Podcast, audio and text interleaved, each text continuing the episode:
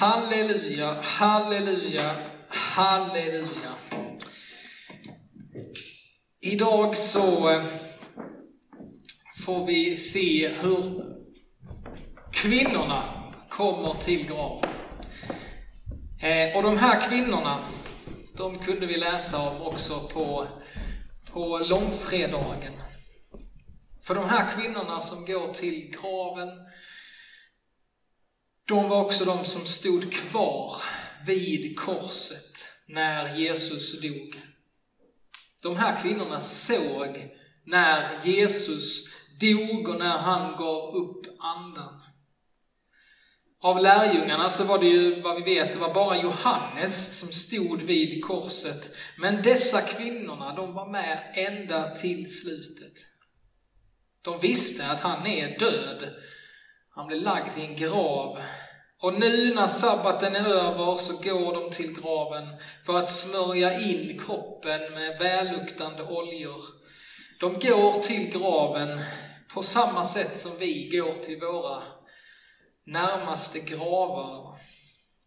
För att på något sätt kunna vara nära kroppen, trots att de vet att Jesus han är död.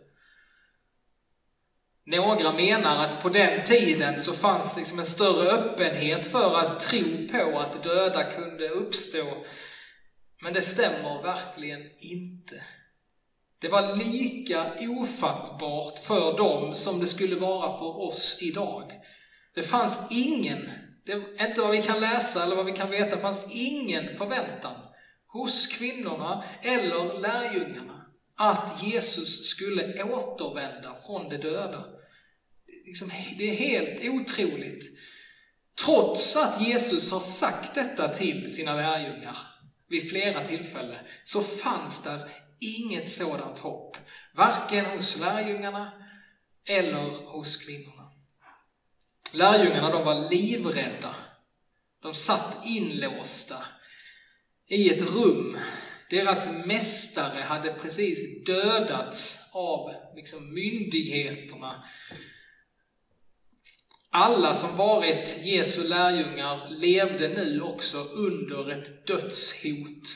Det som hände mästaren, det var lätt att det också fick konsekvenser för lärjungarna. Allt hopp är ute. Jesus, han är död.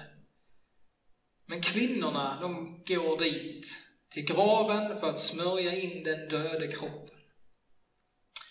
Och de undrar hur ska de få bort den här gigantiska stenen när de kommer fram? Men så kommer de fram och så ser de att stenen är bortrullad. De får sin livschock när de möter den här ängeln inne i graven som berättar att Jesus, han har uppstått från de döda. Och nu ska ni gå till lärjungarna och berätta för dem. Det är bara Petrus som nämns här vid namn. Och jag tror att det är för att Petrus ska förstå att Jesus kallar på honom också Trots att Petrus har förnekat Jesus så vill Jesus liksom försäkra sig med att Petrus han måste veta att han välkomnar honom också. Se till att Petrus förstår att han också är inbjuden. Kvinnorna de springer och i Markus evangeliet så står det att de springer rädda från graven. De är darrande och de är utom sig. Och så står det att de sa ingenting till någon. För de var rädda. Det var inte det, var inte det uppdraget som, Jesus, som ängeln hade gett dem. De sa ingenting till någon för de var rädda. Det är väl inte så vi tänker oss att det gick till. Va? Men så här skriver faktiskt Markus. Kvinnorna de verkar inte ha blivit glada utan de blev vettskrämda. Och de vågade inte berätta det. För de var rädda. De var rädda och sa ingenting till någon. Men så till slut så tar en av dem till orda och berättar för lärjungarna. Och det är Maria från Magdala. Maria från Magdala, hon var stadens kända synderska som alla talade illa om och föraktade. Maria från Magdala, hon var kvinnan som hade sysslat med okulta saker. Hon hade blivit ockuperad av sju demoner. Jesus hade sett henne som ingen annan. Jesus hade befriat henne på alla sätt man kan befria en människa. Han hade upprättat henne och så gett henne en plats i gemenskapen igen. Hon hade fått återfå sitt människovärde genom det Jesus gjorde för henne. Och Johannes, evangelisten Johannes skriver att Maria från Magdala, hon fick ett speciellt möte med Jesus på påskdagen. Vi kan läsa om det här i Johannes 20, eh, om mötet som Maria får med Jesus. Så hon är den som berättar för lärjungarna om att Jesus lever. Graven är tom. Men lärjungarna de får höra budskapet, men de blir inte heller glada. Utan de fortsätter att sörja de kan inte tro på hennes ord. Lärjungarna de kunde inte tro på vad som helst och de kunde definitivt inte tro på detta. De behövde mer fakta. De behövde mer bevis. Detta var för otroligt för dem. Och till slut så fick de också mer bevis. Till slut så får de också möta Jesus och i Apostlagärningarna kapitel 1 så skriver Lukas så här. Att Jesus han framträdde för dem efter att ha lidit döden och gav dem många bevis på att han levde. Jesus han uppenbarade sig inte bara en gång utan han gav dem många bevis på att han levde. Vid flera tillfällen så fick de se honom. De såg hur han åt mat. Han var alltså ingen vålnad. De kunde ta på honom. De kunde sticka sina fingrar i såren. De kunde lyssna till honom, till hans undervisning på nytt. Och lärjungarna, efter att liksom under en period ha fått möta Jesus under flera tillfällen, så blev lärjungarna, vad vi förstår, de blev bergfast övertygade om att Jesus hade uppstått. Det fanns ingenting som kunde rucka på den övertygelsen hos lärjungarna. Innan de hade mött Jesus så var de livrädda för att bli dödade. Nu när de hade förstått vem Jesus är på riktigt och vad han är kapabel till, så var all rädsla som bortblåst hos lärjungarna. Alla lärjungar satsade nu hela sina liv på att detta verkligen var sant. Och alla lärjungar, det kanske inte gäller Johannes, men alla utom Johannes, de fick betala med sina liv för den här övertygelsen. Alltså hur ska man kunna förklara lärjungarnas förvandling om inte detta verkligen har hänt?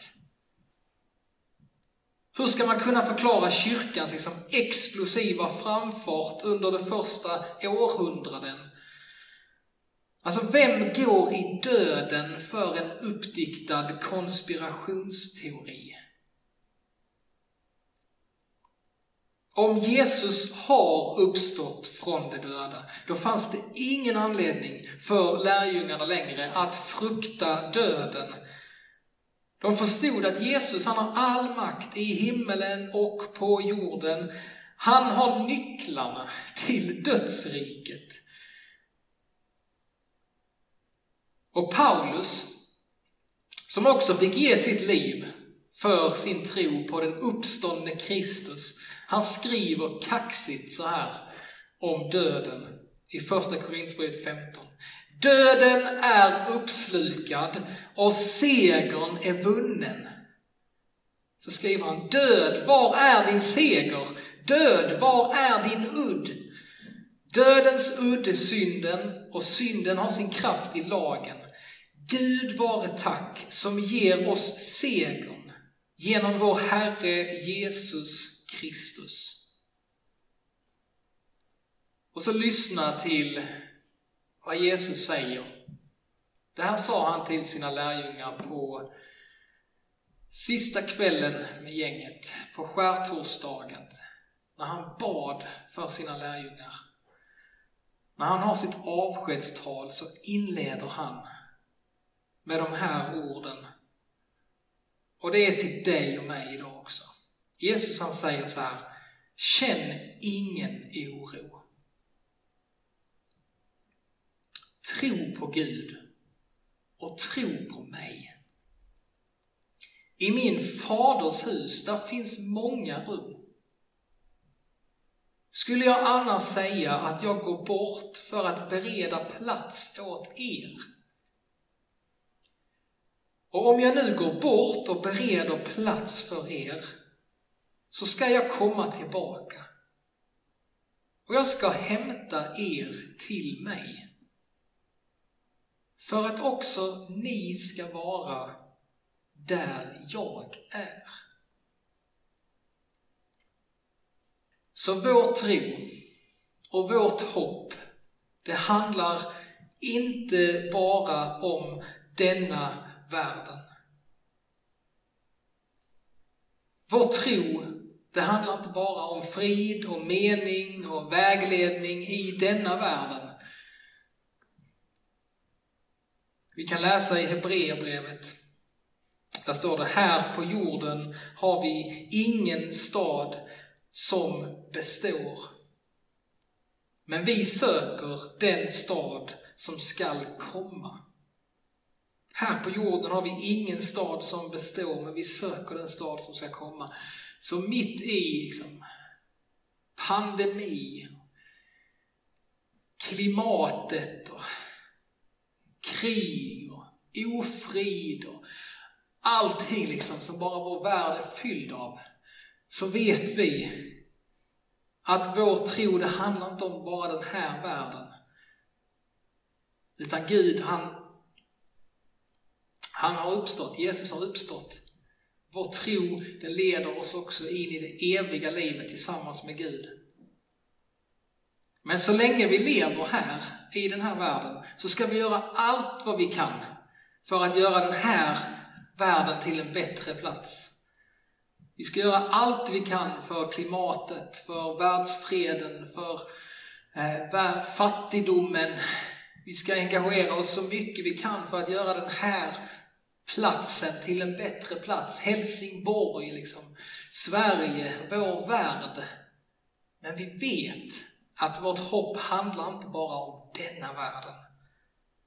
Utan en dag så ska Jesus komma tillbaka och han ska hämta oss till sig för att vi också ska vara där han är.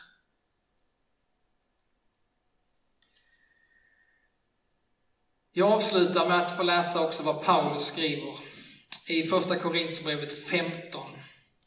Där skriver Paulus så här. Om det nu förkunnas att Kristus har uppstått från de döda, hur kan då några bland er säga att det inte finns någon uppståndelse från de döda? Om det inte finns någon uppståndelse från de döda har inte heller Kristus uppstått. Men om Kristus inte har uppstått, ja, då är vår förkunnelse tom, och tom är också er tro.